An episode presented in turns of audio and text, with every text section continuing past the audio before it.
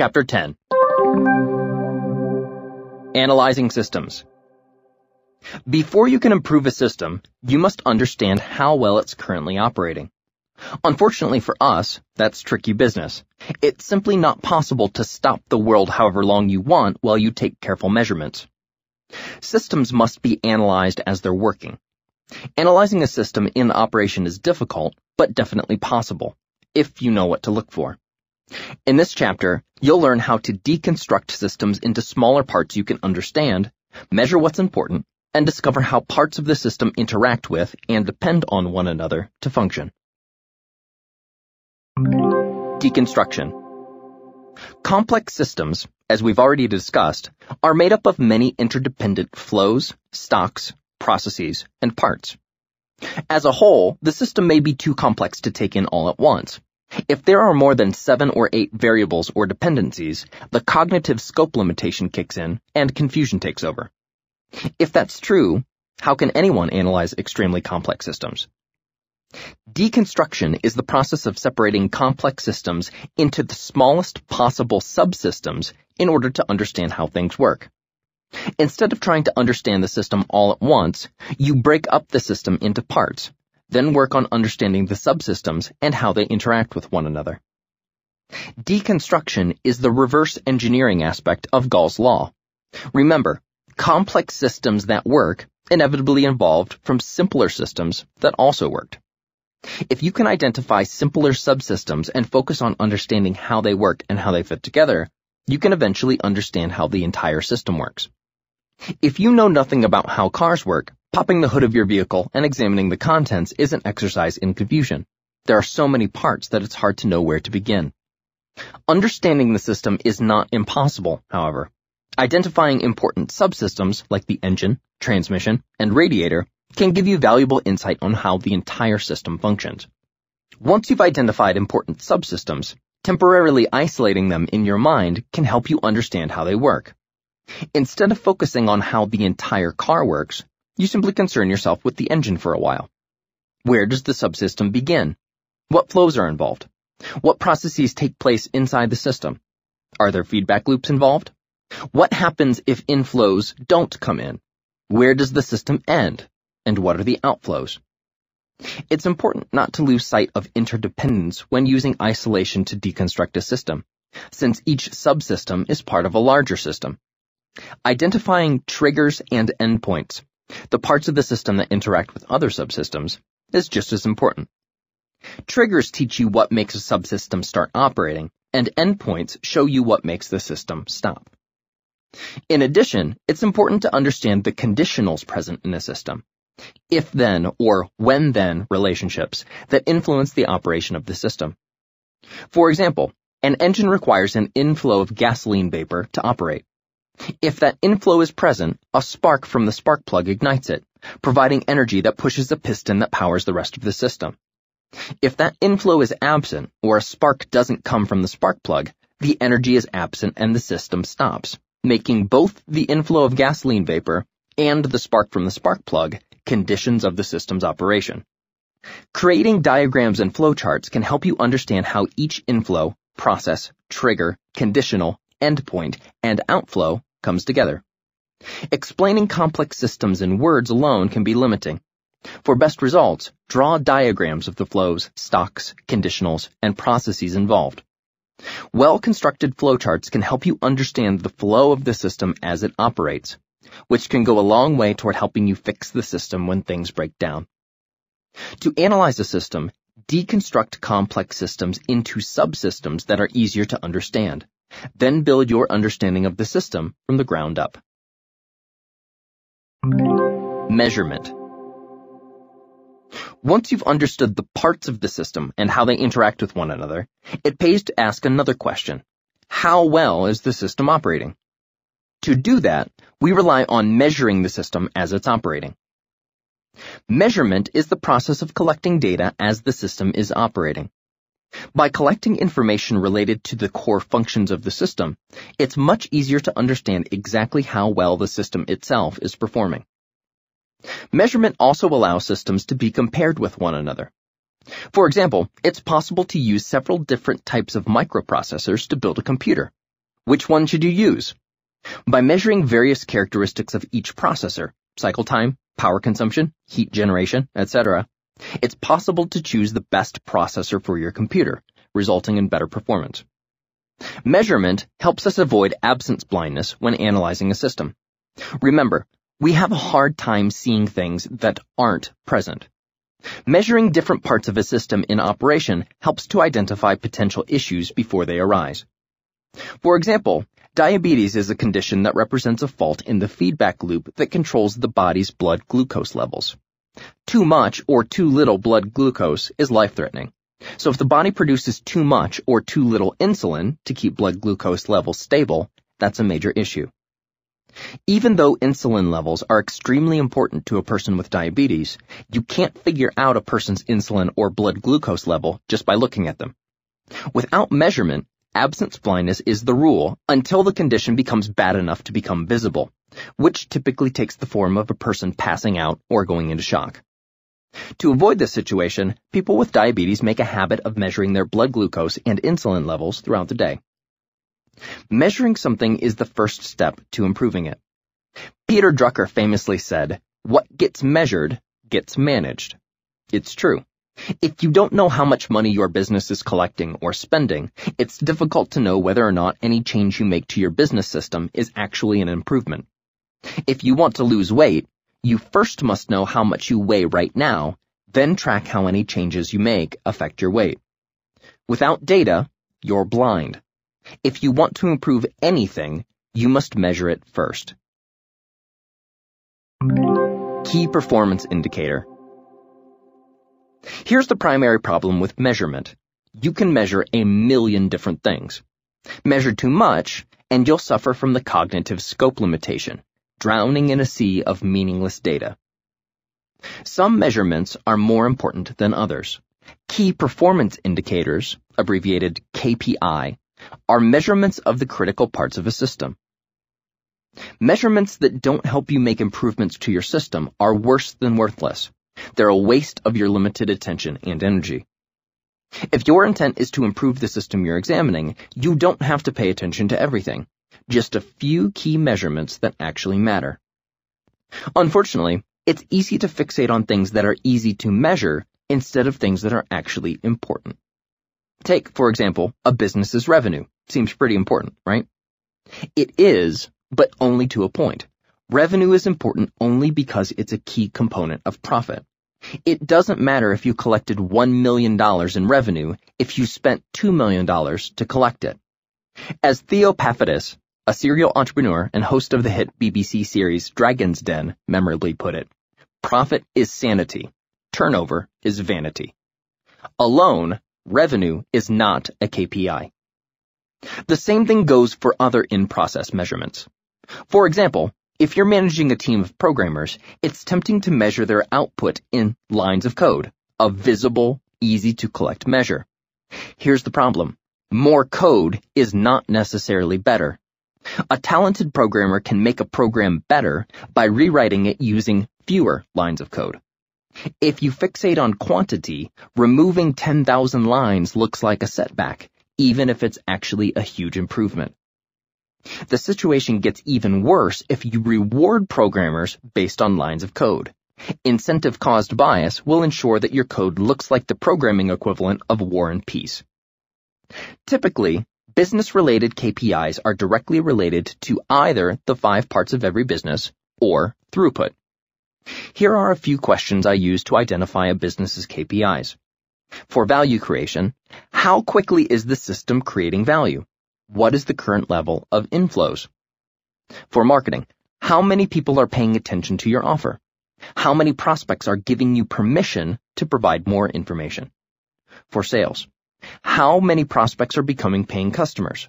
What is the average customer's lifetime value? For value delivery, how quickly can you serve each customer? What is your current returns or complaints rate? And for finance, what is your profit margin? How much purchasing power do you have? Are you financially sufficient? Any measurements directly related to these questions are probably KPIs. Anything that's not directly related to a core business process or a system's throughput is probably not. Try to limit yourself to only three to five KPIs per system. When collecting measurements, it's tempting to build yourself a so-called dashboard that contains every piece of information you'd ever want to see. Resist the temptation. If you overload yourself with too much data, you'll be far less likely to see changes that are critically important. You can always dig deeper into the data at your disposal if necessary. Find your system's KPIs, and you'll be able to manage your system without drowning in data. Garbage in, garbage out. If you analyze poor quality data, the resulting analysis will be worthless at best and misleading or damaging at worst.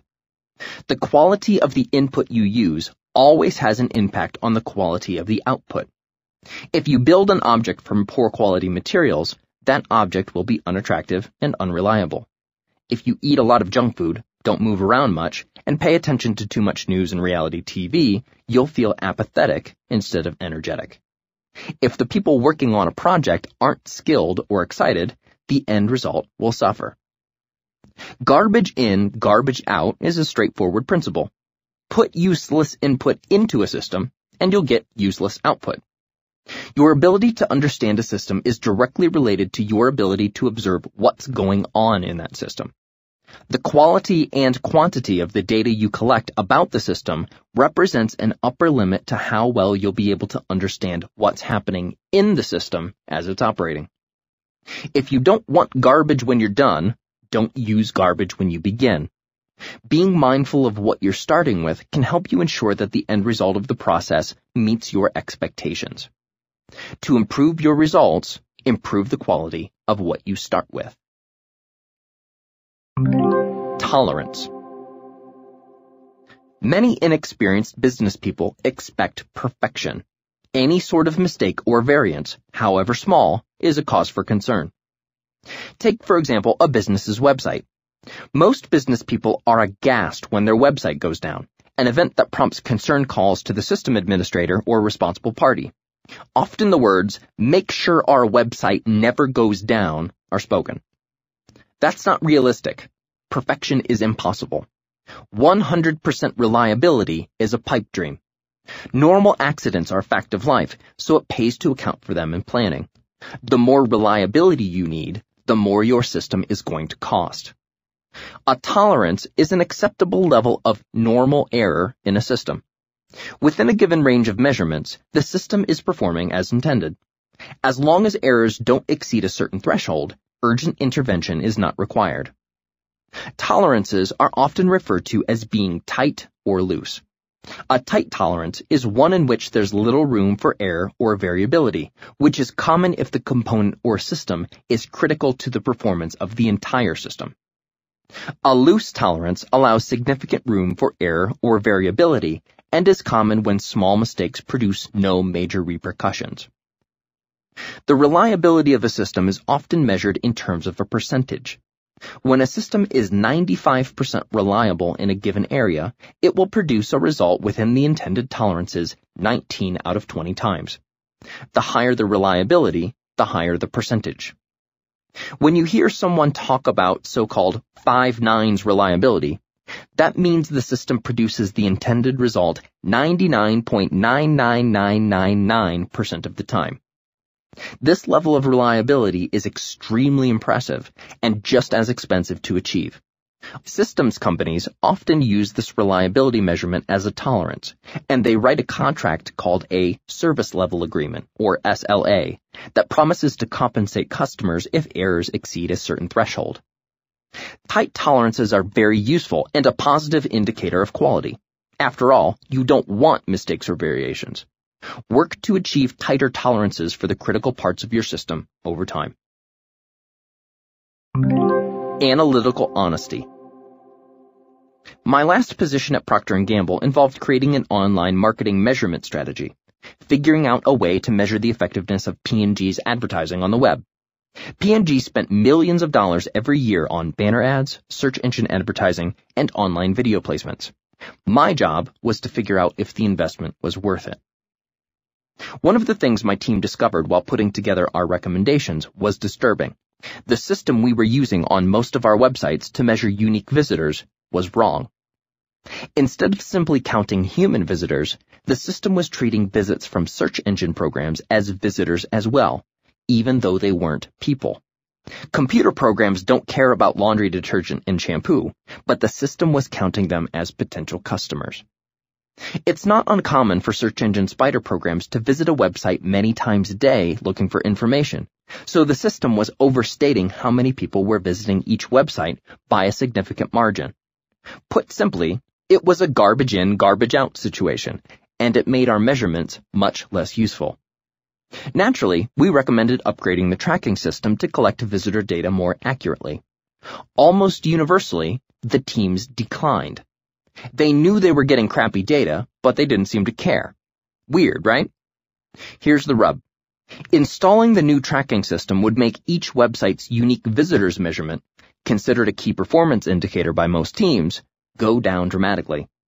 Even though the new system was clearly more accurate, installing it would make the team look bad. Instead of correcting the issue, they chose to continue living a lie. As a result, they seriously compromised their ability to improve their website's actual performance. Analytical honesty means measuring and analyzing the data you have dispassionately. Since humans are social creatures, we tend to care deeply about how others perceive us, which gives us a natural incentive to make things look better than they actually are. If your purpose is to actually make things better, this tendency can get in the way of collecting accurate data and conducting useful analysis. The best way to maintain analytical honesty is to have your measurements evaluated by someone who isn't personally invested in your system.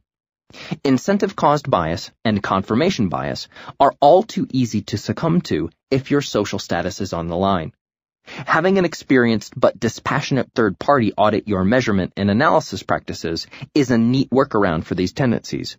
You might not like what you hear, but at least you'll be fully aware of potential issues. Don't look at your data through rose-colored glasses. Always strive to be honest with yourself about what the data indicates you can improve. Context. You brought in $200,000 of revenue this month. Is that good or bad? It depends. If you brought in $100,000 last month, it's good. If your expenses are $400,000 this month, it's bad. Context is the use of related measurements to provide additional information about the data you're examining. In the example above, knowing your revenue isn't very useful without additional information. Knowing last month's revenue and this month's expenses provides necessary context, giving you a clearer picture of the situation. Aggregate measurements almost never tell you anything useful. Aggregate measurements are worthless when it comes to making tangible improvements because they lack context. Knowing 2 million people visited your website this month tells you absolutely nothing useful. Without context, you can't determine change or effectiveness, which limits your ability to improve the system. Try to avoid the temptation to focus on a single magic number when tracking your results. Relying on a single number sounds like a useful simplification, but it's not. Removing context blinds you to important changes in the data. Knowing your so-called total quality score, or that revenue went up or down a few points, won't tell you why it happened, whether or not it's important, or if it's due to random fluctuations or a significant change in the system or its environment. As a general rule, examine no measurements in isolation. Always look at them in context with other measurements. Sampling. What do you do if your system is too large or complex to collect data on every process? Sometimes it's not practical to measure the flows of an entire system. If you're managing a scalable system, it's often not possible to test every unit or find every error. How can you identify potential problems quickly when your system is cranking out millions of units or completing millions of transactions? Sampling is the process of taking at random a small percentage of the total output, then using it as a proxy for the entire system. If you've ever had your blood taken at the doctor's office, you'll have a good idea of what sampling entails.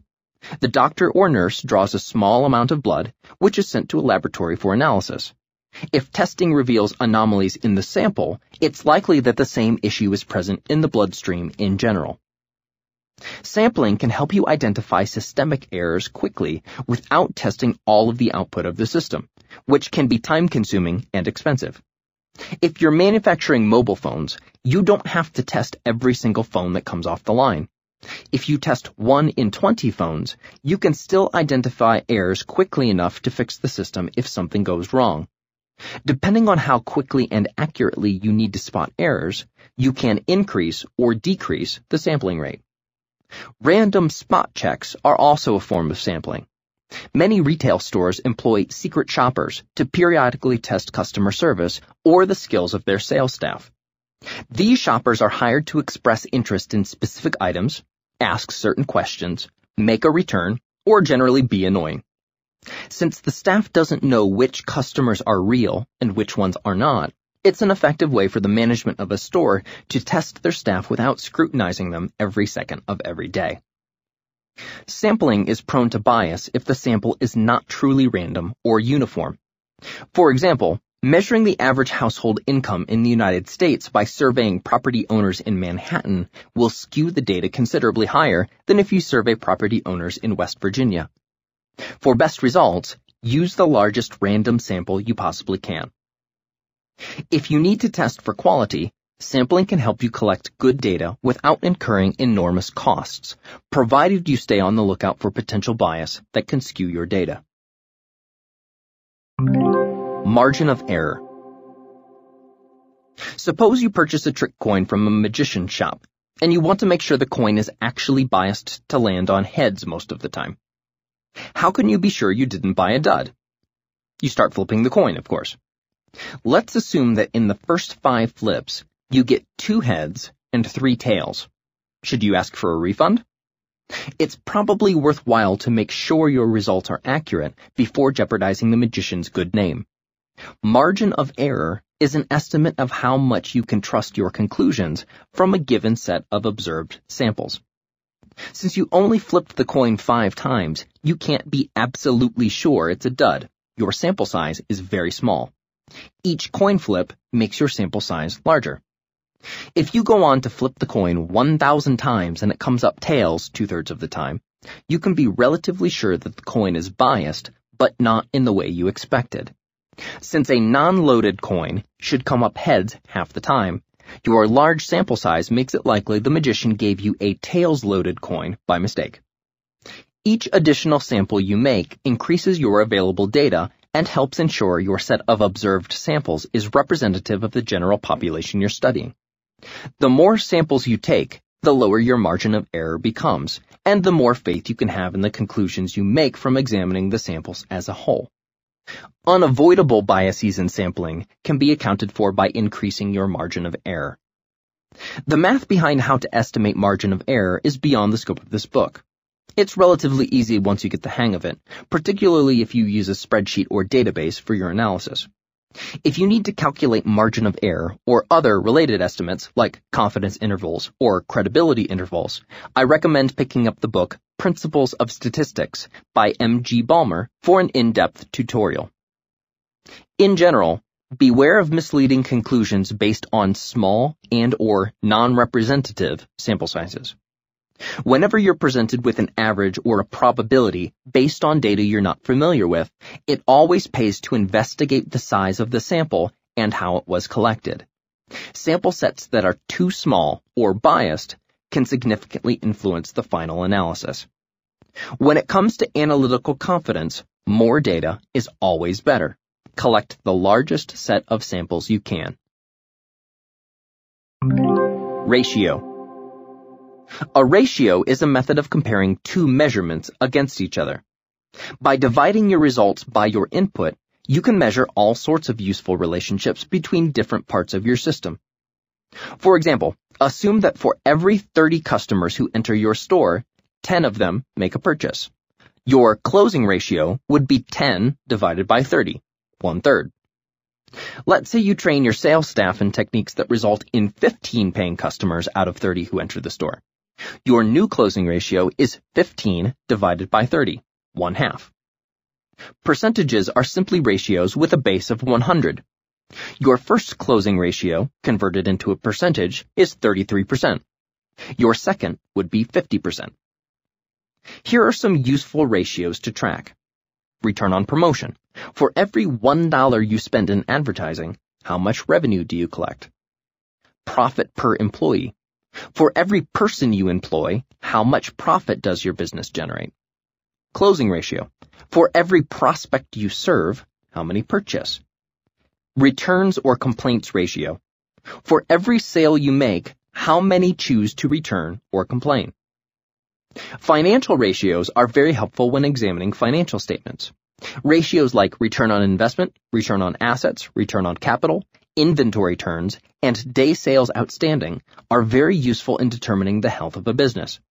For a full introduction to common financial ratios, I recommend the book Financial Intelligence for Entrepreneurs by Karen Berman and Joan Knight. Tracking ratios over time can provide a directional indication of how a system is changing. If your closing ratio or return on investment keeps going up, that's a good thing. If it's going down over time, it would pay to investigate to find out why. Be creative, study your business, then construct ratios that highlight the most important parts of your system. Typicality The average household net worth of a person who reads the Wall Street Journal is $1.7 million.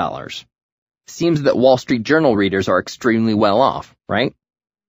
Yes, but less than you think.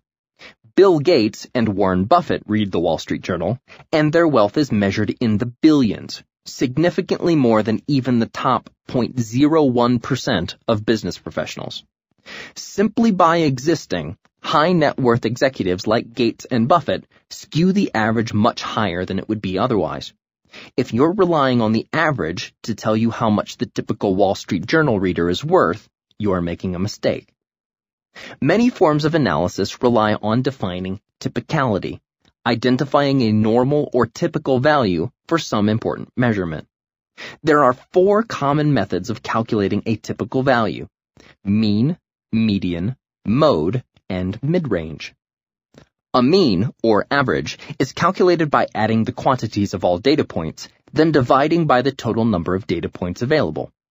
Averages are simple to calculate, but are prone to Gates and Buffett syndrome, the presence of outliers that skew the average too high or low to be representative. Exclude the outliers, however, and the average becomes more accurate. A median is calculated by sorting the values in order of high to low, then finding the quantity of the data point in the middle of the range.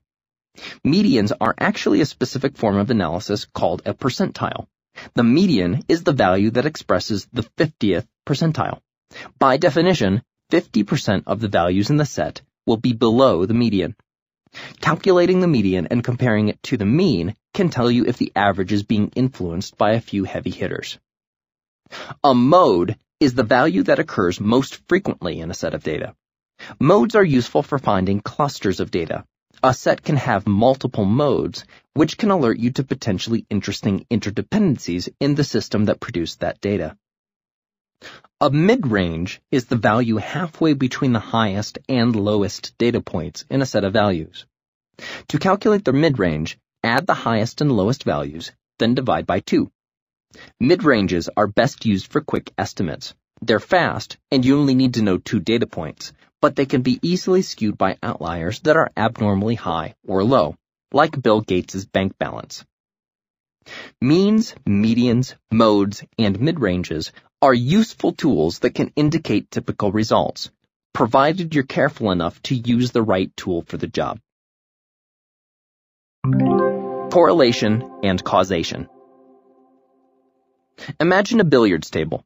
If you know the exact position of every ball on the table and the details of the forces applied to the cue ball, like impact vector, impact force, location of impact, table friction, and air resistance, you can calculate exactly how the cue ball will travel and how it will affect other balls it hits along the way.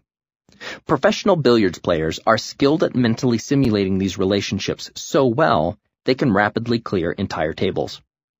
That's causation, a complete chain of cause and effect.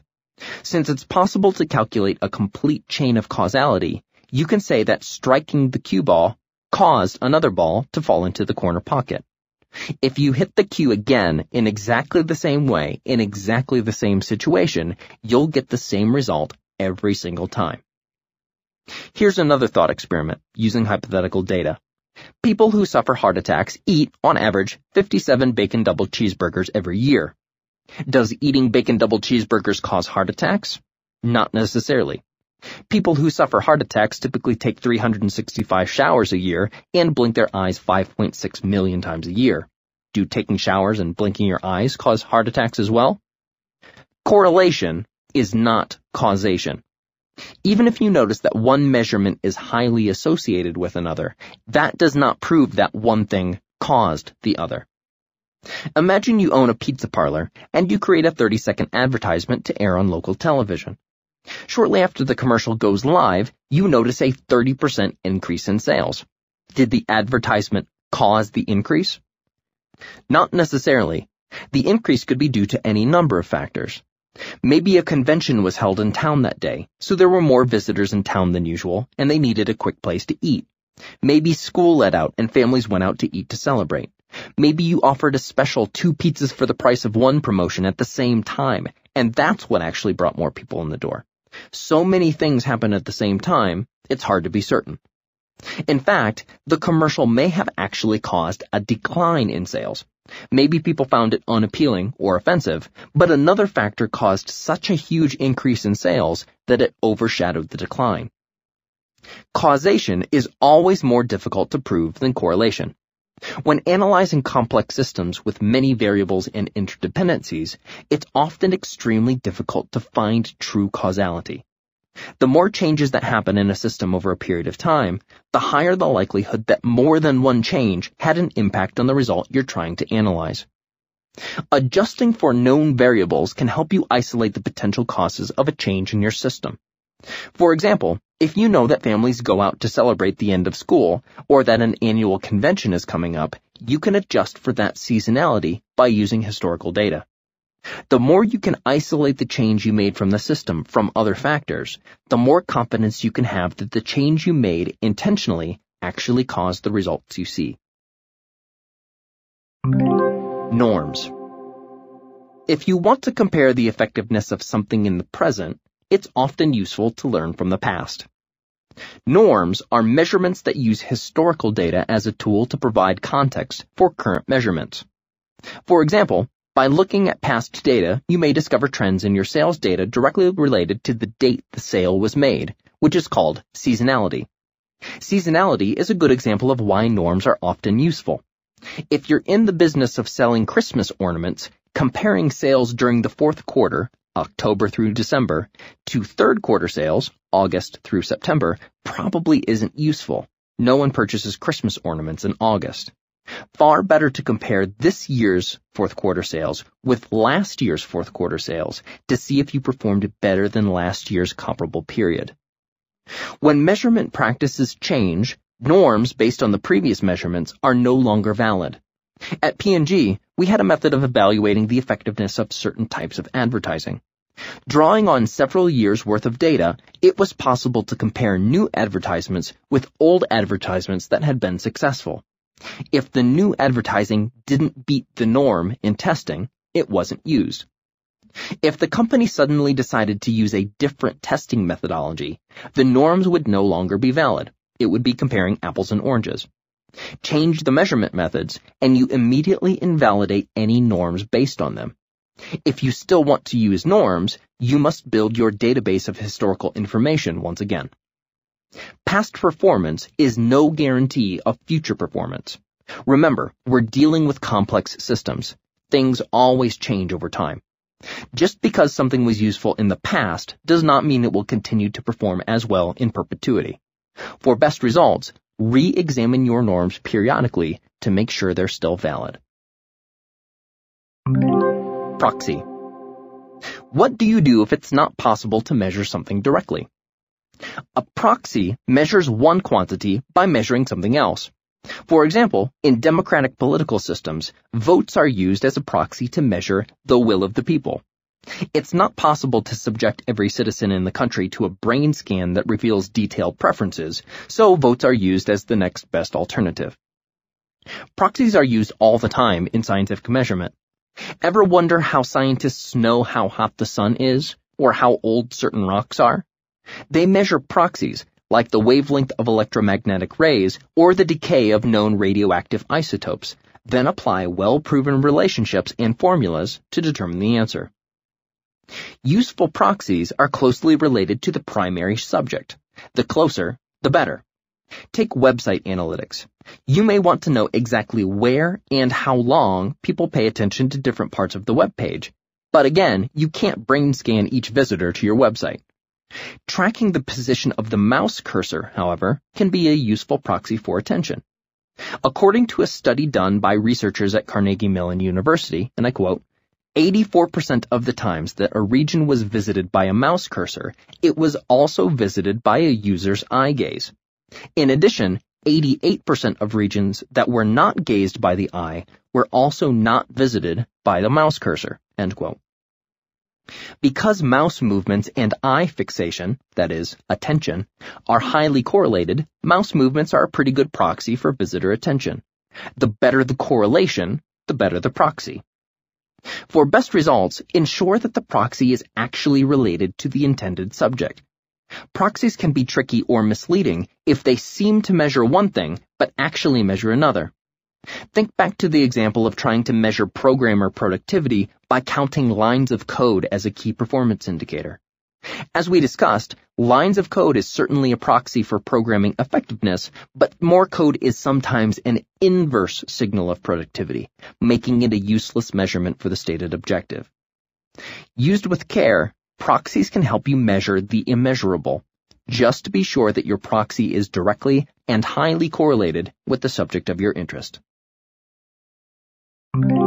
Segmentation very often, aggregate datasets contain hidden nuggets of gold, if you can find them.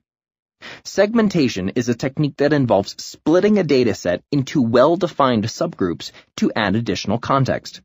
Splitting the data into predefined groups can uncover previously unknown relationships.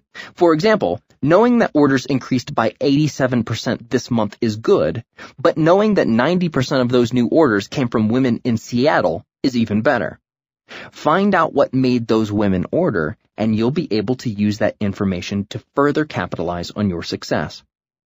There are three common ways to segment customer data. Past performance, demographics, and psychographics. Past performance segments customers by past known actions. For example, you can segment customer sales data using previous sales data, comparing sales to new customers with sales to customers who have previously purchased from you. Lifetime value calculations are a form of segmentation by past performance. Demographics segment customers by external personal characteristics. Personal information like age, gender, income, nationality, and location can help you determine which customers are your probable purchasers. Knowing that your best customers are males between the age of 23 and 32 who live in major metropolitan areas and have over $2,000 per month in disposable income can be quite useful.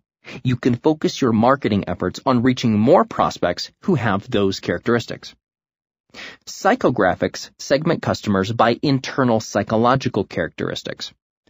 Typically discovered via surveys, assessments, or focus groups, psychographics are attitudes or worldviews that influence how people see themselves and the world at large. Psychographics can be very useful in creating or adjusting your value creation, marketing, and sales strategies. For example, if you're selling home security systems, it's likely that your probable purchaser will believe statements like, the world is a dangerous place, and feel somewhat in danger even when in their homes. Experimenting with promoting your product in survivalist and self-defense magazines and websites, markets whose customers might have similar beliefs, might not be a bad idea. Segment your data, and you'll find many useful hidden connections worth investigating. Humanization. Analyzing data is comforting to the quantitative minded, but to really use data properly, you must go beyond juggling numbers to understand what they're telling you. When analyzing data from a system, it's easy to forget that it often pertains to the actions of real human beings.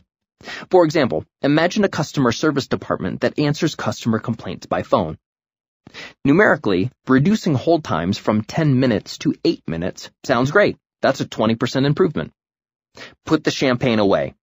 What the data-centric viewpoint misses is the fact that you still have a dissatisfied customer waiting on the phone for 8 minutes, which still feels like an eternity. Every minute on hold makes that customer angrier, which affects their perception of the company. That 20% improvement pales in comparison to the reputation hit your business takes every time that customer tells their friends and associates how horrible your company is to deal with. Humanization is the process of using data to tell a story, a narrative, about a real person's experience or behavior. Quantifiable measures are helpful in aggregate, but it's often necessary to reframe the measure into actual behavior to really understand what's happening. Many businesses humanize by developing a series of personas, fictional profiles of people developed from data. When I developed home cleaning products for P&G, market research data told us that two broad segments existed. People who value deep cleaning and would say something like, unless I'm on my hands and knees cleaning with bleach and elbow grease, I'm not satisfied. And people who wanted cleaning to be quick and convenient. They would say, I'm too busy to clean. As long as it looks good enough, I'm happy. Using this information, we combined these characteristics with other data like household income, family statistics, and hobbies to create a profile of a fictional person. Once the profile was developed, it became easier to use the data we had to make decisions. Instead of relying on statistics to evaluate an idea, we could rely on our intuition by asking ourselves if Wendy would like it. Don't just present data. Tell a story that helps people understand what's happening, and you'll find your analysis efforts more useful. Chapter 11 Improving systems. Creating and improving systems is the heart of successful business practice. The purpose of understanding and analyzing systems is to improve them, which is often tricky. Changing systems can often create unintended consequences. In this chapter, you'll learn the secrets of optimization, how to remove unnecessary friction from critical processes, and how to build systems that can handle uncertainty and change. Intervention bias. Before making a change to a system, it's important to understand that human beings are predisposed to do something rather than nothing. As we discussed, absence blindness leads us to value things we can see over things we can't. This predisposition affects how we work on systems. Intervention bias makes us likely to introduce changes that aren't necessary in order to feel in control of a situation. Many corporate policies have their roots in intervention bias. When something bad happens, it's tempting to try to fix the situation by installing additional layers of limitations, reporting, and auditing. The result isn't an improvement in throughput or efficiency. It's an increase in communication overhead, waste, and unproductive bureaucracy. The best way to correct for intervention bias is to examine what scientists call a null hypothesis, examining what would happen if you did nothing or assumed the situation was an accident or error. Imagine a company that allows its employees to purchase any book they want or need, no questions asked. Books are inexpensive sources of high quality information, so making it easy for employees to obtain them makes sense. All is well until one employee abuses the privilege and orders hundreds of novels for personal enjoyment. What should be done? Many companies would respond by eliminating the policy and requiring a manager's approval for all book purchases. But this change wouldn't fix the situation because it wasn't a widespread issue. Instead, it would annoy or anger employees who used the privilege responsibly, waste time for everyone by increasing paperwork and bureaucracy, and reduce employee productivity by increasing the amount of time it takes to find information they can use to improve the business. The correct response in this case is to do nothing. One employee has abused the privilege, so the situation can be handled with a single discussion without a major change in policy. The damage is limited, and there's no sense in penalizing everyone for a single person's poor judgment. It's a normal accident, so overreaction is counterproductive. Examining the null hypothesis before intervening will help you avoid intervention bias and ensure you make the best possible decisions. Optimization. Optimization is the process of maximizing the output of a system or minimizing a specific input the system requires to operate. Optimization typically revolves around the systems and processes behind your key performance indicators, which measure the critical elements of the system as a whole. Improve your KPIs, and your system will perform better. Maximization typically focuses on the system's throughput. If you want to earn more money, create more units to sell, or serve more customers, you're optimizing for throughput. Making changes to the system that increase throughput means your system is performing better in a specific, measurable way. Minimization typically focuses on in-process inputs required for the system to operate. If you're trying to increase your profit margin, costs are one of the key inputs. Minimize your costs and your margins will increase. By definition, if you're trying to maximize or minimize more than one thing, you're not optimizing you're making trade-offs. Many people use the term optimization to mean making everything better, but that definition doesn't help you actually do anything. In practical terms, trying to optimize for many variables at once doesn't work. You need to be able to concentrate on a single variable for a while, so you can understand how the changes you make affect the system as a whole. You're trying to find causation, not correlation in your changes, and hidden interdependencies can make it difficult to understand which changes produced which results. Remember, you can't reliably optimize a system's performance across multiple variables at once. Pick the most important one and focus your efforts accordingly. Refactoring. Not all changes to a system are designed to affect the system's output. Sometimes it's more effective to re-engineer a process without changing the end result at all. Refactoring is the process of changing a system to improve efficiency without changing the output of the system. The term comes from computer programming. Programmers will spend hours rewriting a program that, if all goes well, does exactly the same thing when they're finished. What's the point? The primary benefit of refactoring isn't improving the output. It's making the system itself faster or more efficient. By rearranging the processes the system uses to produce the result, it's possible to make the program run faster or require fewer resources while operating. Refactoring starts by deconstructing a process or system, then looking for patterns.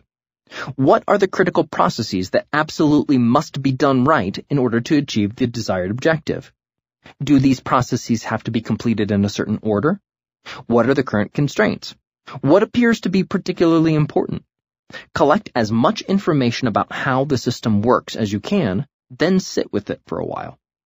More often than not, you'll start to notice things about the system that don't make sense. Things that you've done a certain way because it seemed like a good idea at the time, but that aren't the best way to approach the task now. Once patterns begin to emerge, you can rearrange the system to group similar processes or inputs together. Think of rearranging an assembly line. If you constantly have to stop what you're doing and travel all the way across the factory to obtain a necessary component, rearranging things so the component is always close at hand is probably a good idea. The system will still produce the same thing when you're done, but you'll have removed a little inefficiency from the system that adds up to significant losses in productivity. If your goal is to make the system faster or more efficient, refactoring is critically important. The critical few. Vilfredo Pareto was a 19th century economist and sociologist who was very interested in the topic of land ownership and the social distribution of wealth. After collecting and analyzing a great deal of data, Pareto found a curious pattern. Over 80% of the land in Italy was owned by less than 20% of the population. The Italian economy wasn't distributed evenly, or in the bell-curved shape distribution many people assumed. Wealth was highly concentrated among a relatively small group of individuals. As Pareto studied other areas of life, he consistently found the same pattern. In Pareto's garden, for example, 20% of the pea pods produced 80% of the peas. What was going on? In any complex system, a minority of the inputs produce the majority of the output. This pattern of persistent nonlinearity is now called the Pareto principle, or the 80-20 rule. Personally, I prefer to refer to it as the critical few. Once you understand this common pattern, you'll find it in many areas of life. For example, in many businesses, less than 20% of the customers account for more than 80% of annual revenue. Less than 20% of a business's employees typically do 80% or more of the highly valuable work. You wear less than 20% of the clothing in your closet over 80% of the time. You spend over 80% of your time communicating with less than 20% of your personal contacts. The nonlinearity of the critical few can often be extreme. For example, less than 3% of the world's population is in possession of over 97% of the world's total wealth. Over time, political power in both countries and companies also tends to concentrate in the hands of a few people, which results in a very small group of individuals making decisions that directly affect the lives of hundreds of millions of people. Far less than 1% of movies ever produced become blockbusters, and less than 0.1% of books ever written become bestsellers. For best results, focus on the critical inputs that produce most of the results you want. In the book The 4-Hour Workweek, Timothy Ferriss used the critical few to identify his best performing customers. Out of the 120 customers Ferriss was serving, five accounted for 95% of the revenue. By focus on those top performing wholesalers and putting the rest on autopilot, Ferriss doubled his monthly revenue and cut his work time from 80 hours to 15 hours a week. The same approach is often useful to weed out results you don't want. While conducting his business analysis, Ferriss realized that two particular customers accounted for most of his frustration and firefighting. Firing these energy-sucking customers, even though they represented significant sources of volume, liberated his time and energy. As a result, he was able to secure distribution with three additional high-volume customers that boosted the bottom line without the constant headaches. Non-critical inputs are significant opportunity costs. If you're spending most of your time in unproductive meetings, for example, you're wasting time that could be used to actually get important things done. The same goes for non-critical expenses. They represent money that you could be using to far greater effect. Find the inputs that produce the outputs you want, then make them the focus of most of your time and energy. Ruthlessly weed out the rest. Diminishing returns. If you have $10 in your bank account, finding $5 in the pocket of your freshly laundered pants is a cause for celebration. If you have $10 million in your bank account, the same situation is a pleasant afterthought. In a similar vein, eating one cookie is great. Eating two cookies is even better. Eating a hundred is actually worse. More is not always better. The same relationship applies to drinking beer and taking vitamins. All good things are subject to diminishing returns.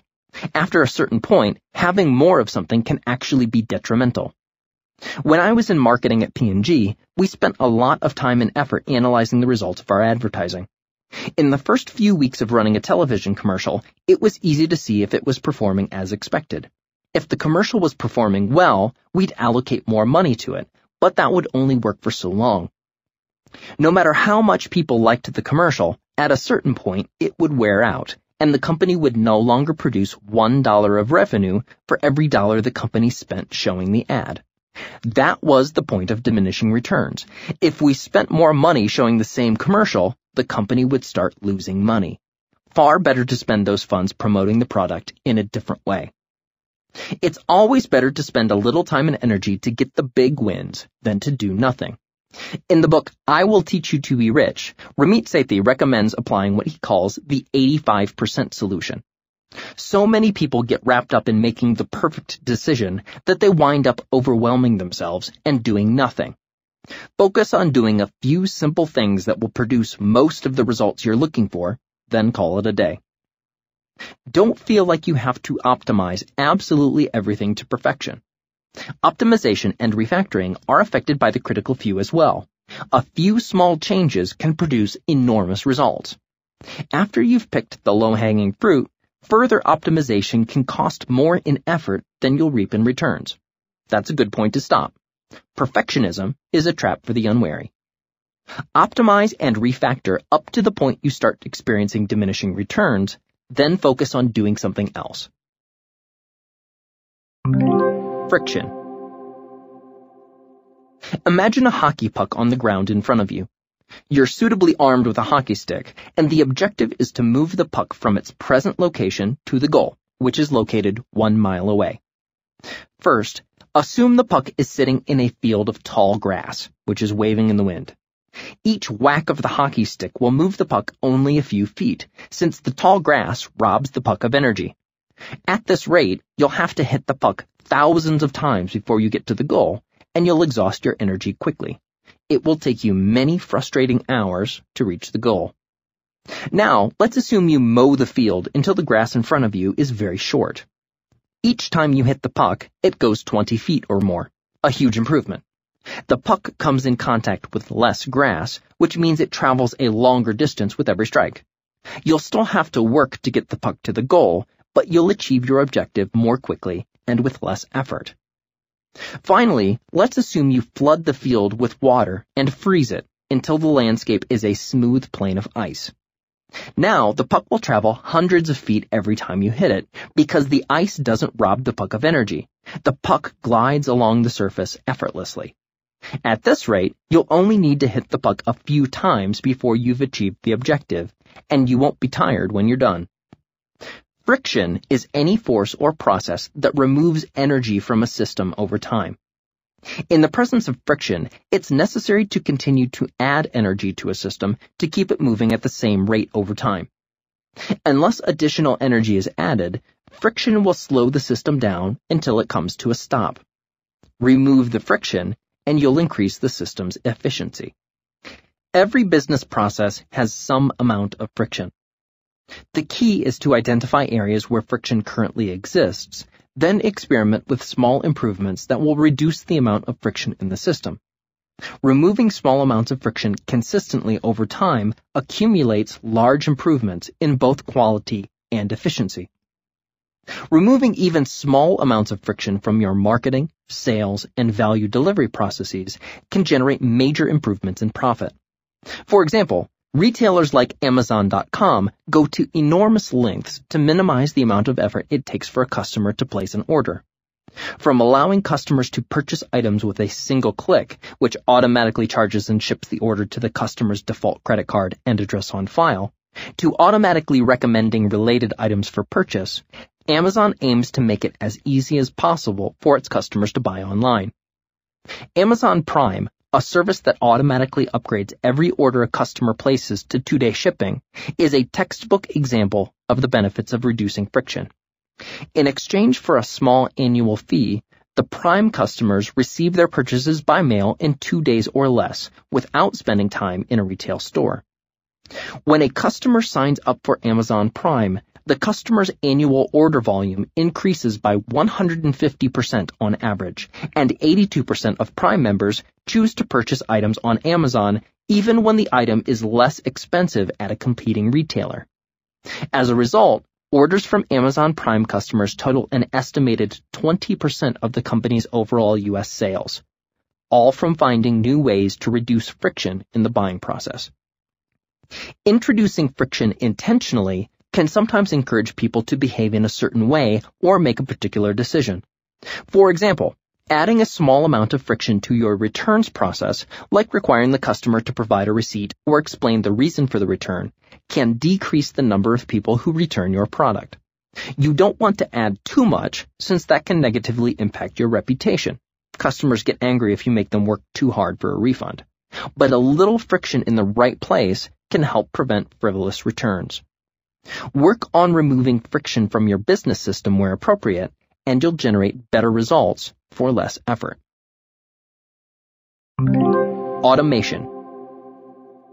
Remove enough friction and people may not have to be involved in a process at all. Automation refers to a system or process that can operate without human intervention. Factory production lines, utility networks, and computer programs use automation to minimize the amount of human involvement necessary to complete a task. The less human effort required to operate the system, the more efficient the automation. Automation is best for well-defined, repetitive tasks. For example, if I had to manually reply to a letter or email every time someone wanted to read my list of recommended business books, I'd quickly go insane. Fortunately, I can just put the list up on my website. Every time someone requests the list, it's delivered to them automatically, without any effort on my part. My reading list has been viewed by hundreds of thousands of readers from around the world, and automation is what makes it possible.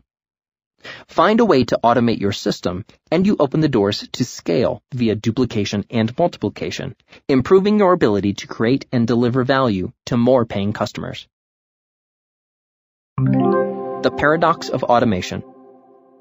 Automation can be great, but it has very important drawbacks worth understanding. Imagine a fully automated production line that makes computer processors that sell for $200 per unit. All the human operators have to do is push a button, and the production system starts cranking out 2,400 finished products per minute. Life is good, right? Yes, with a very important caveat. Imagine that a drill used to bore holes in the silicon wafer becomes misaligned and starts drilling microscopic holes through the middle of the processor core. Every second the system keeps working, 40 chips are ruined. Assume each processor costs $20 in raw materials. That means the factory starts losing $800 every second the error isn't found. Every minute the system keeps running, the company loses $48,000. And that's just the direct cost. If you take into account that each processor would sell for $200, the company is losing $528,000 a minute. $48,000 in direct costs, and $480,000 in opportunity costs. Sound far-fetched? Consider this. In late 2009, Toyota identified a major issue with the accelerator pedal in several popular vehicle models, which were top sellers for many years. The error was multiplied across every vehicle Toyota made, and the recall cost over $5 billion. Before the recall, Toyota was considered the best automotive manufacturer in the world. They still are in many respects, but their reputation and financial situation suffered a major blow. Even the best can fall if costly mistakes are allowed to multiply. Here's the paradox of automation. The more efficient the automated system, the more crucial the contribution of human operators to that system. When an error happens, operators need to identify and fix the situation quickly or shut the system down. Otherwise, the automated system will continue to multiply the error. Dr. Lisanne Bainbridge, a psychologist at University College London, was one of the first to rigorously study the ramifications of efficient and reliable systems. She was the first to identify and express the paradox of automated systems. Efficient automated systems reduce the need for human effort, but make human involvement even more critical. Efficient automation makes humans more important, not less. The irony of automation. Efficient automated systems make skilled human intervention critically important to prevent the amplification of errors, so it's best to keep skilled operators on hand at all times, right? That's easier said than done. Businesses typically don't pay highly skilled employees to sit around in a room all day doing nothing, which is what they'll be doing as long as the system appears to be reliable. Even if they do, the operators will spend most of their time being bored out of their skulls. Here's the irony of automation.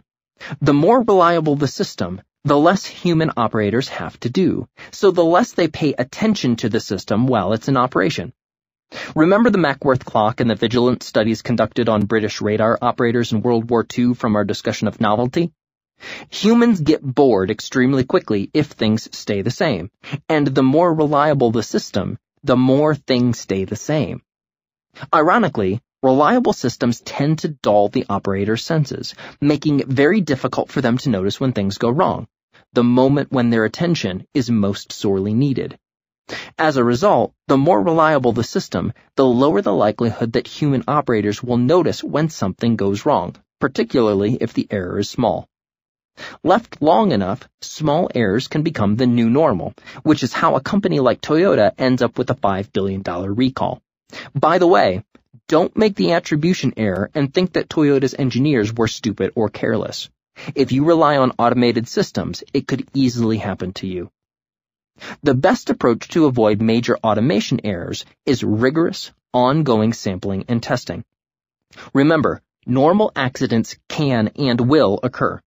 If you assume that errors will be made and plan a battery of tests to find the most critical errors, you can keep your system operators engaged and increase the probability of finding important errors quickly.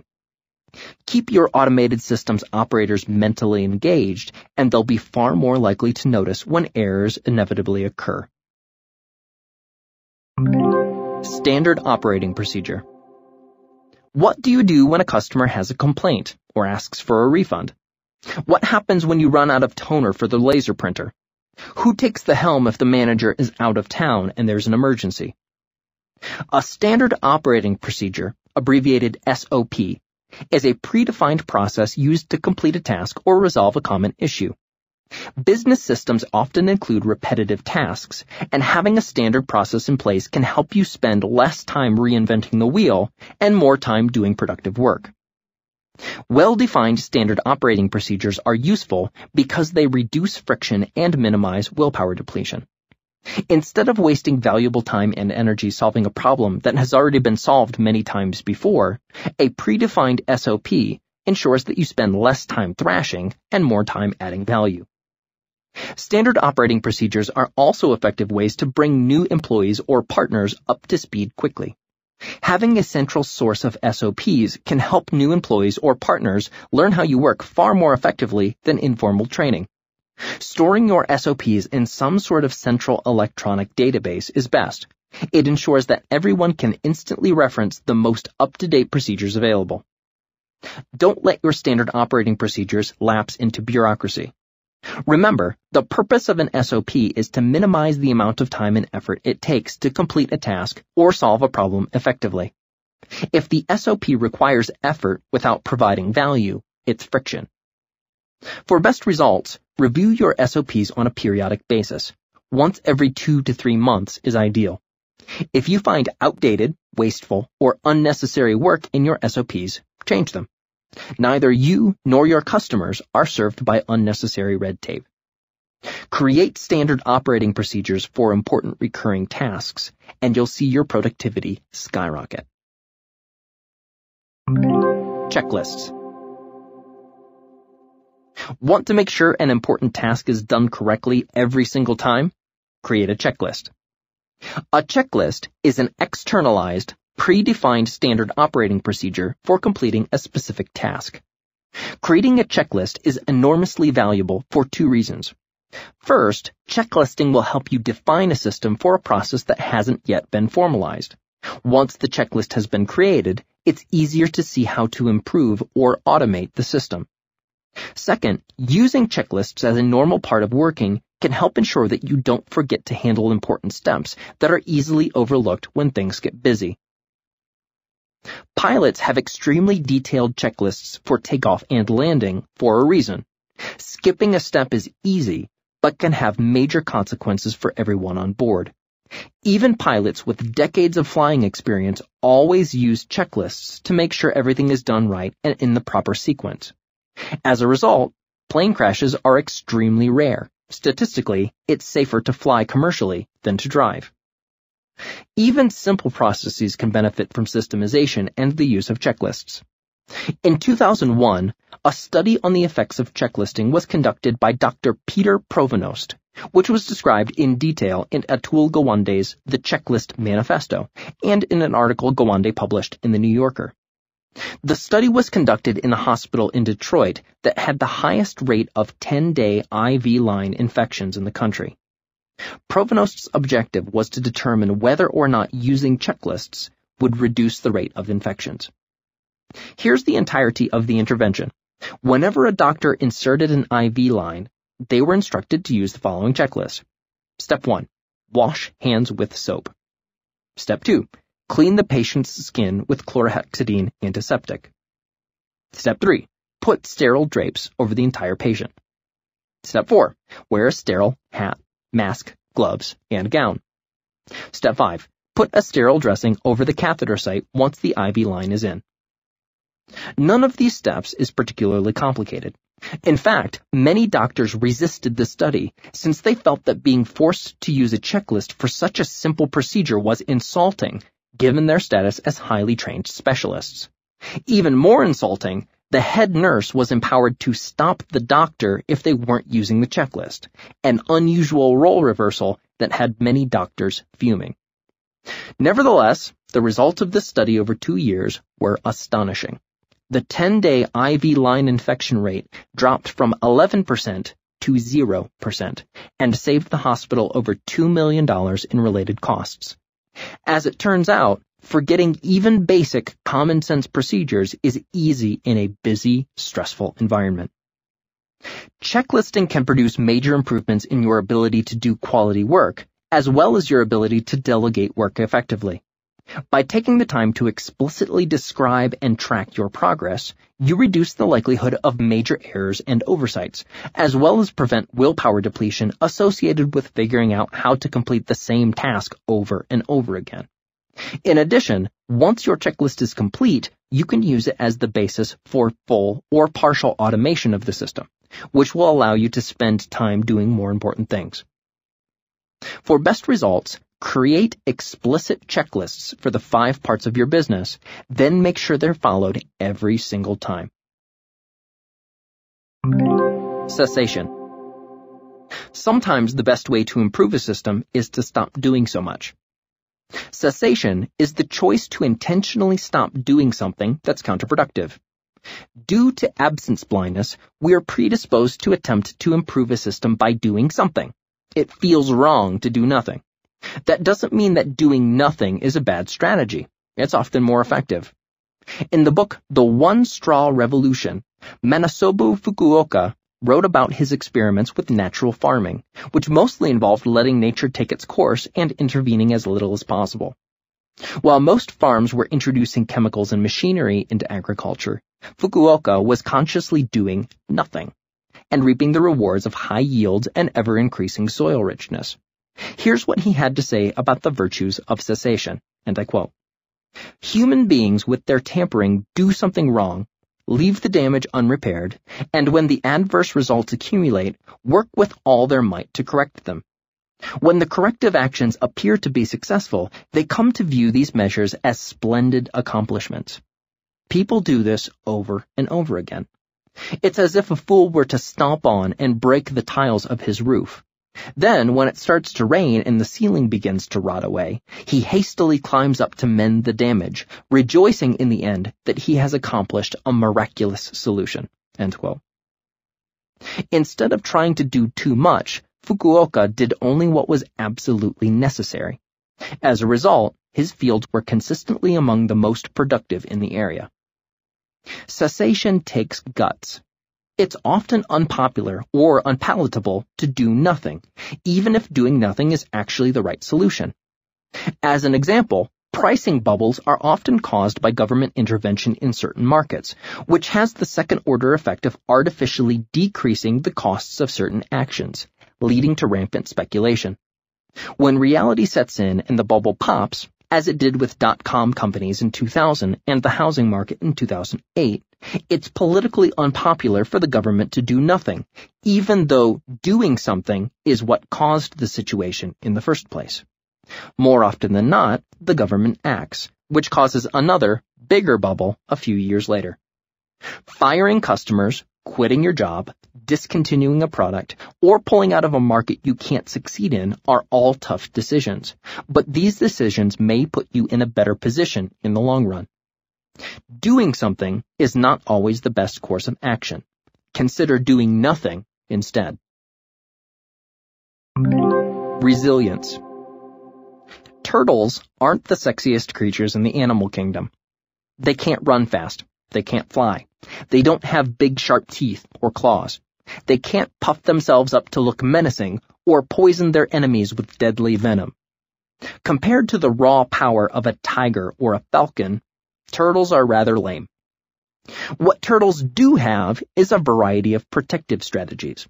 They can swim quickly, use camouflage, snap with their jaws, and if all else fails, retract into their shell and wait for the threat to pass. Creatures elsewhere in the animal kingdom are in big trouble if they're cornered by a predator. Turtles have a fighting chance. They win because they're the armored tanks of nature. They can also eat many different things and go into hibernation when times get tough. That's why they live so long. Tigers, on the other hand, rely on their strength, power, and speed to chase down their prey. When times are good, tigers are kings of the jungle. If prey becomes scarce, or they lose their hunting prowess due to age or injury, death takes them quickly and mercilessly. No second chances. What the business world needs is more turtles and fewer tigers. The world is a fundamentally uncertain place. Unexpected things happen, some good, some bad. You never know when Mother Nature, Lady Luck, or a hungry predator will decide that today is not your day. Resilience is a massively underrated quality in business. Having the toughness and flexibility to handle anything life throws at you is a major asset that can save your skin, literally and metaphorically. Your ability to adjust your strategy and tactics as conditions change can be the difference between survival and disaster. Resilience is never optimal if you evaluate a system solely on throughput. Flexibility always comes at a price. A turtle's shell is heavy. It could certainly move faster without it. Giving it up, however, would leave the turtle vulnerable in the moments when moving a little faster just isn't fast enough. In an effort to chase a few more short-term dollars, many businesses trade resilience for short-term results and pay a hefty price. The big investment banks are a classic example. Keeping cash reserves on hand to handle the unexpected has become called ultra-conservative and inefficient. It's become a best practice to leverage the entire company many times over to squeeze out a few more cents in earnings per share each quarter leaving the business explosively vulnerable to a very small decline in revenues. Operating a business with no cash reserves, no insurance, and high levels of debt may improve your returns for a few months or quarters. But the moment your revenues decline by even a little, or someone decides to sue the business, you're sunk. Leverage works just like rocket fuel. Depending on how it's used, it can propel your business to dizzying heights or make the entire operation explode. Unfortunately, many of the advanced financial manipulation tactics taught in business schools implicitly trade resilience for paper returns, and once successful businesses pay the price by going out of business when times get tough. Preparing for the unexpected makes you more resilient. On a personal level, investing in a home emergency and first aid kit, car kit, and extra resources like food and water isn't paranoid. Supplies like these are cheap insurance for the intelligent. The same goes for purchasing insurance and building up reserves for unexpected events. You may never need them, but you'll be glad they're there if you do. Here's what makes a business resilient. Low, preferably zero, outstanding debt. Low overhead, fixed costs, and operating expenses. Substantial cash reserves for unexpected contingencies. Multiple independent products, industries, and lines of business Flexible workers and employees who can handle many responsibilities well. No single points of failure, and fail-safes or backup systems for all core processes. Planning for resilience as well as performance is the hallmark of good management. Resilience is certainly not sexy, mostly because the benefits suffer from absence blindness. It can, however, save your hide when times get tough. Think less like a tiger and more like a turtle and your business will be able to withstand pretty much anything. Failsafe. Every Wednesday at noon, a generator kicks on outside of the house I grew up in. If all goes well, it'll run for 10 minutes, then turn off automatically until the next testing cycle, silently waiting to spring into action again when the power goes out. My father once worked as a firefighter and emergency medical technician and has refined being prepared into a high art. The generator is designed to turn on automatically the moment the primary electricity to the house fails, taking over the house's electrical demands seamlessly. The generator is fed via a propane tank behind the garage, which has enough fuel to keep the generator running for a week. If a storm knocks out power to the area, Dad is prepared to handle it. Dad's preparedness rubbed off on me. Now that we live in the mountains of Colorado, we have to be prepared for the possibility of our cars breaking down somewhere remote or cold, and we can't rely on AAA, or cell phone coverage, to save us. Kelsey often makes fun of me for stocking our vehicles with extra clothing, sleeping bags, snowshoes, and satellite-driven personal locator beacons, but I don't mind. If something happens, we'll be glad we were prepared. I consider the investment in equipment a cheap, durable insurance policy. A failsafe is a backup system designed to prevent or allow recovery from a primary system failure. If the primary system fails in some way, well-designed failsafes can keep the system from collapsing unexpectedly. You can find backup systems anywhere consistent performance is critical. Actors in high-profile Broadway shows have understudies. If the show must go on, it pays to know you'll always have a replacement for any actor who can't perform. Most shows even have a few swing actors, performers who are ready to stand in for any role at a moment's notice. External hard drives back up critical computer data. If the hard drive in your computer crashes, you can still access the data via the backup drive, so you won't lose everything. Some businesses even take the precaution of storing backup drives off-site in case of fire or natural disaster. Airplanes have systems that sense a failure in cabin pressure, automatically deploying face masks attached to an oxygen tank. If the airplane's pressurized cabin fails for some reason, the passengers won't lose consciousness. A very good thing indeed. Failsafes are not efficient in the sense that you're investing time and resources in a system you hope you'll never use. Backup systems and insurance, from one perspective, can be seen as a waste of money. Why spend valuable resources on something you hope you'll never need? Here's why. By the time you need a failsafe, it's too late to develop one. In order to be effective, failsafes must be developed before you need them. If you wait to develop backup systems until you need them, it's too late to make a difference. Paying for homeowners insurance can feel like a waste of money until your house burns down. If you wait to buy insurance until something bad happens, it's already too late. Try to separate your failsafe and primary system as much as possible. One of the reasons people rent safe deposit boxes in banks is to protect certain items from loss in the event of fire or theft. If something happens to the house, the items in the safe deposit box will still be okay. The practice of backing up data to an offsite data center serves the same purpose.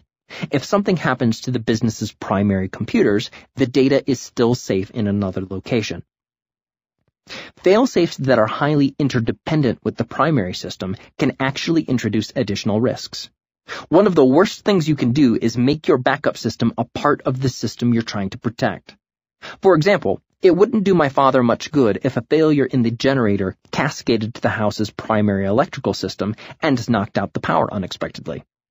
An automated computer backup doesn't do you any good if it could potentially delete all of your original files. As much as possible, never have a single critical point of failure. If your system relies on critical inputs or processes in order to function, it's a good idea to plan for situations where those inputs aren't available or those processes are disrupted. What would you do if your primary system fails? Plan in advance to develop fail-safes for all critical systems, and you'll make your system as resilient as you possibly can. Stress testing. Let's say you've developed what you believe is a robust, resilient system, but you want to ensure that your preparations actually work. How would you go about testing it? Stress testing is the process of identifying the boundaries of a system by simulating specific environmental conditions.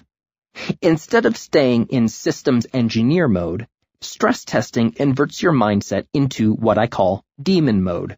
What would it take to break what you've built? In the early days of the personal MBA, every time I launched a new version of the reading list, my web server would go down in a blaze of glory. The system couldn't keep up with all of the people trying to visit the website. I upgraded to several different systems, but each time it wasn't enough. I continued having server issues until I got serious about stress testing. Instead of waiting for an influx of traffic that would cause my site to go down, I set about breaking my system intentionally, then trying different approaches to make the system more resilient under stress. Using an automated tool, I simulated a huge number of visitors hitting my website at the same time. The tool continuously increased the number of visitors requesting my website, then tracked how long my website took to respond. As the requests went up, my site's performance decreased until the server failed. Using the data I collected from the stress test, I made several major improvements to my website's infrastructure and systems. Now, thousands of people can visit my site at precisely the same moment without noticeably affecting performance. A huge improvement. Stress tests can help you learn more about how your system works. If you're in the manufacturing business, you could simulate a sudden order of thousands of units. Can you keep up? If you're doing customer support, you could simulate a massive influx of questions or complaints. Could you handle it? Your ability to test is only limited by your available time and imagination. Let your inner demon run wild, then fix any major problems you find before they affect real customers. Scenario planning. As we've discussed many times in this book, no one can predict what will happen tomorrow, let alone 10 years from now. That's a problem when your plans and goals depend on things completely outside of your locus of control. What can you do to prepare for an uncertain future? Scenario planning is the process of systematically constructing a series of hypothetical situations, then mentally simulating what you would do if they occurred. You may not be a seer, but counterfactual simulation gives you a powerful capability, imagining things that might occur, then figuring out what you'd do if they did. Scenario planning is essentially detailed, thorough, and systematic counterfactual simulation applied to major decisions. Scenario planning always starts with a simple question. What would I do if? The what if part is the counterfactual, and it's what kicks your planning brain into gear, helping you imagine possible responses. By writing down all of your potential courses of action in that circumstance, it's possible to develop several responses to any situation you can imagine. Scenario planning is the essence of effective strategy. Trying to base your actions on predictions of interest rates, oil prices, or stock values is a fool's game. Instead of trying to predict the future with 100% accuracy, scenario planning can help you prepare for many different possible futures. Instead of rigidly focusing on only one option, your business will become more flexible and resilient, improving your ability to change and adapt to a changing world. Most large businesses use scenario planning as the basis of a practice called hedging, purchasing various forms of insurance to reduce the risk of unfavorable future events. For example, manufacturers care about oil prices because they increase the cost of importing raw materials and shipping finished products to their customers, both of which can suddenly and dramatically decrease their profit margins. By purchasing financial instruments called futures, the businesses can make money if the price of oil goes up, which helps to offset the losses they would incur if oil prices increase. Scenario planning is easy to skip, particularly if you already have a lot of work to do. The time you spend in scenario planning can be some of the most valuable time you spend building your business, but it's easy to overlook if you're constantly struggling to simply keep your head above water. Regularly setting non-negotiable time to step back and plan for the future is always time well spent. Don't skip it. Don't waste time trying to predict an unknowable future. Construct the most likely scenarios and plan what you'll do if they occur, and you'll be prepared for whatever actually happens. The Sustainable Growth Cycle It's a mistake to assume any system can grow indefinitely without limit. Systems tend to have a natural size, and exceeding this size can cause many problems. Elements of a system that are out of control need to be eliminated. Take cell growth, for example. The cells in your body tend to grow to a certain size and to multiply at a rate that ensures new cells replace cells that die. When these proportions are in balance, your body works quite well. When cells grow or multiply out of control, the situation can threaten the existence of the system. Cancerous cells need to be removed to ensure the health of the entire body. Businesses and biological systems have many things in common. They're made up of many interrelated parts and systems that change and grow over time. If the five parts of every business grow out of control or out of proportion to each other, the situation can threaten the health of the organization. The sustainable growth cycle is a pattern I've noticed in businesses that are able to grow year after year without major difficulties. This cycle has three distinct phases expansion, maintenance, and consolidation. In an expansion phase, the company is focused on growing. New offers are created and tested. New markets are explored. New business units are built and staffed, and future plans are created. Early data about what works is collected for later use. In a maintenance phase, the company is focused on executing the current plan. The marketing, sales, and value delivery parts of the business are in full swing, and emphasis is placed on fully exploring the potential of the current business structure. Systems are put in place to ensure the execution. In a consolidation phase, the company is focused on analysis. Information about the performance of the business is examined in detail in an attempt to figure out what's working and what's not. Things that aren't working are cut back or eliminated, and things that are working are given more resources. Think of plant cultivation. The best gardeners allow plants to grow, ensure they have enough resources to thrive, then cut back the plants that don't. This cycle repeats season after season. Every cycle is essential.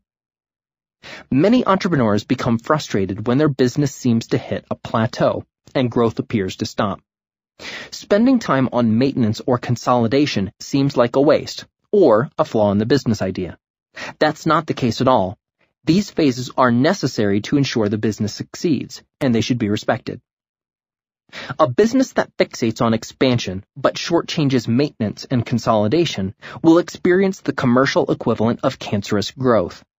Parts of the business will grow out of control, consuming too much time, energy, and resources compared to what they contribute to the health of the business. New opportunities will be explored while proven opportunities are ignored or forgotten. Maintenance and consolidation are necessary to bring the system into balance. Once the system is humming along, the growth cycle kicks in automatically. A healthy business cycles between expansion, maintenance, and consolidation often. No matter which part of the cycle you're in, it's important to recognize that it's necessary and essential to the health of your business. By giving each cycle the appropriate time and attention, you'll ensure the long-term success of the business. The middle path. Business is never easy. It's an art as much as a science. The middle path is the ever-changing balance point between too little and too much. Just enough. No one can tell you what the middle path is. You have to be walking the path to know, and it changes constantly. Getting the balance right in the midst of uncertainty is the difference between a competent business professional and a great one. The best approach to anything almost always lies somewhere between too little and too much. Just as in cooking, business recipes can only teach you so much. You may know the ingredients, the techniques, and the tools, but actually cooking a dish still requires attention, effort, and taste. No one has it all figured out. No one is absolutely certain that something will work, or has a complete lack of fear that things won't work out as planned. The people who experience the most success in this world are the people who accept the uncertainty and fear as best they can, learn from their experiences, and keep trying new things. Try to find the middle path, then stay on it as best you can. Find the right balance, and you can accomplish anything. The experimental mindset. When improving yourself or your business, it's often not clear what approach will create the intended result. That's where the experimental mindset comes in handy. Constant experimentation is the only way you can identify what will actually produce the result you desire. Often, the best, or only, way to learn things is to jump in and try. At the beginning, you may be in over your head, but there's no faster way to learn what works. Once you're committed to exploring something, you'll learn far more quickly than if you'd cowered on the sidelines. You learn the most from what doesn't go well. As long as your mistakes don't kill you, paying attention to what doesn't work can give you useful information you can use to discover what does. All failures are temporary. What you learn in the process always helps you move forward. Experimentation is learning through play. There's no need to build yourself up as a quote unquote serious business person who cringes at the thought of the slightest mistake. You'll make thousands of mistakes over the course of your career, and that's perfectly okay. Every experiment teaches you something new, and every new lesson you learn increases your capability to accomplish great things. Experimentation is the essence of living a satisfying, productive, fulfilling life. The more you experiment, the more you learn, and the more you'll achieve. Not the end. Many of my readers and clients ask me, this business education stuff is great, but when will I be done? Wrong question, Grasshopper. Self-education, whether it's about business or anything else, is a never-ending process. There's never a point where you'll say, okay, I'm done. No more learning for me. Every new concept you come across is a gateway to thousands of other opportunities for exploration. That's what makes self-education so fun and rewarding. There's always something new to learn. In Eastern philosophy, Tao means way or path, a journey you're in the process of undertaking. Tao has no beginning and no end. It just is. Educating yourself about anything is a Tao. There's no end to the process. The journey itself is the reward. Even masters of the art of money making like Warren Buffett are always looking for new things to learn.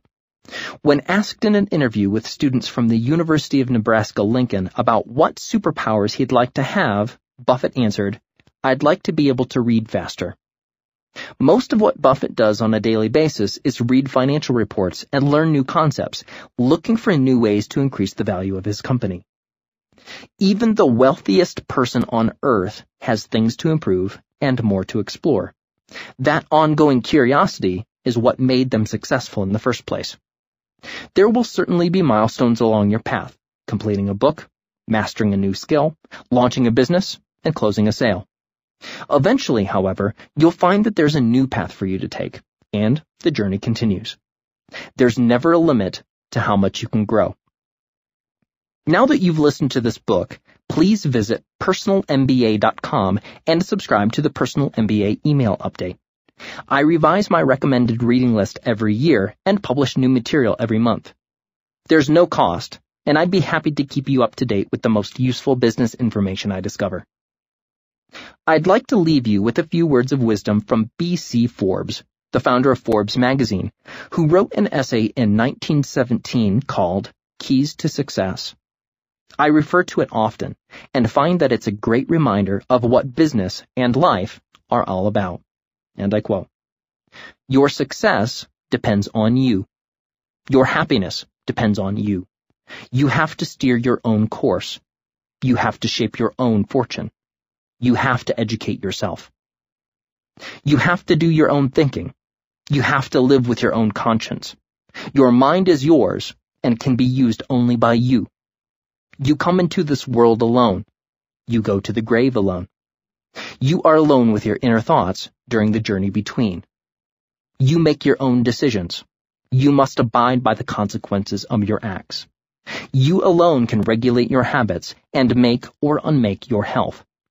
You alone can assimilate things mental and things material. You have to do your own assimilation all through life. You can be taught by a teacher, but you have to imbibe the knowledge. He cannot transfuse it into your brain. You alone can control your mind cells and your brain cells.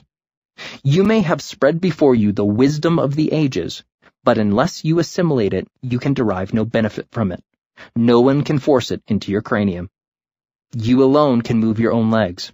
You alone can move your own arms. You alone can utilize your own hands. You alone can control your own muscles. You must stand on your feet, physically and metaphorically. You must take your own steps. Your parents cannot enter into your skin, take control of your mental and physical machinery, and make something of you. You cannot fight your son's battles. That he must do for himself. You have to be captain of your own destiny. You have to see through your own eyes. You have to use your own ears. You have to master your own faculties. You have to solve your own problems. You have to form your own ideals. You have to create your own ideas. You must choose your own speech. You must govern your own tongue. Your real life is your thoughts. Your thoughts are your own making. Your character is your own handiwork. You alone can select the materials that go into it. You alone can reject what is not fit to go in it. You are the creator of your own personality. You can be disgraced by no man's hand but your own. You can be elevated and sustained by no man but yourself. You have to write your own record. You have to build your own monument or dig your own pit. Which are you doing? End quote. I hope you've enjoyed this book and found it useful. If you have, please spread the word. If you have questions or comments, don't hesitate to reach out. You can always contact me directly at josh at personalmba.com. Thanks for listening and best wishes on your journey through the fascinating and ever-changing world of business. Have fun.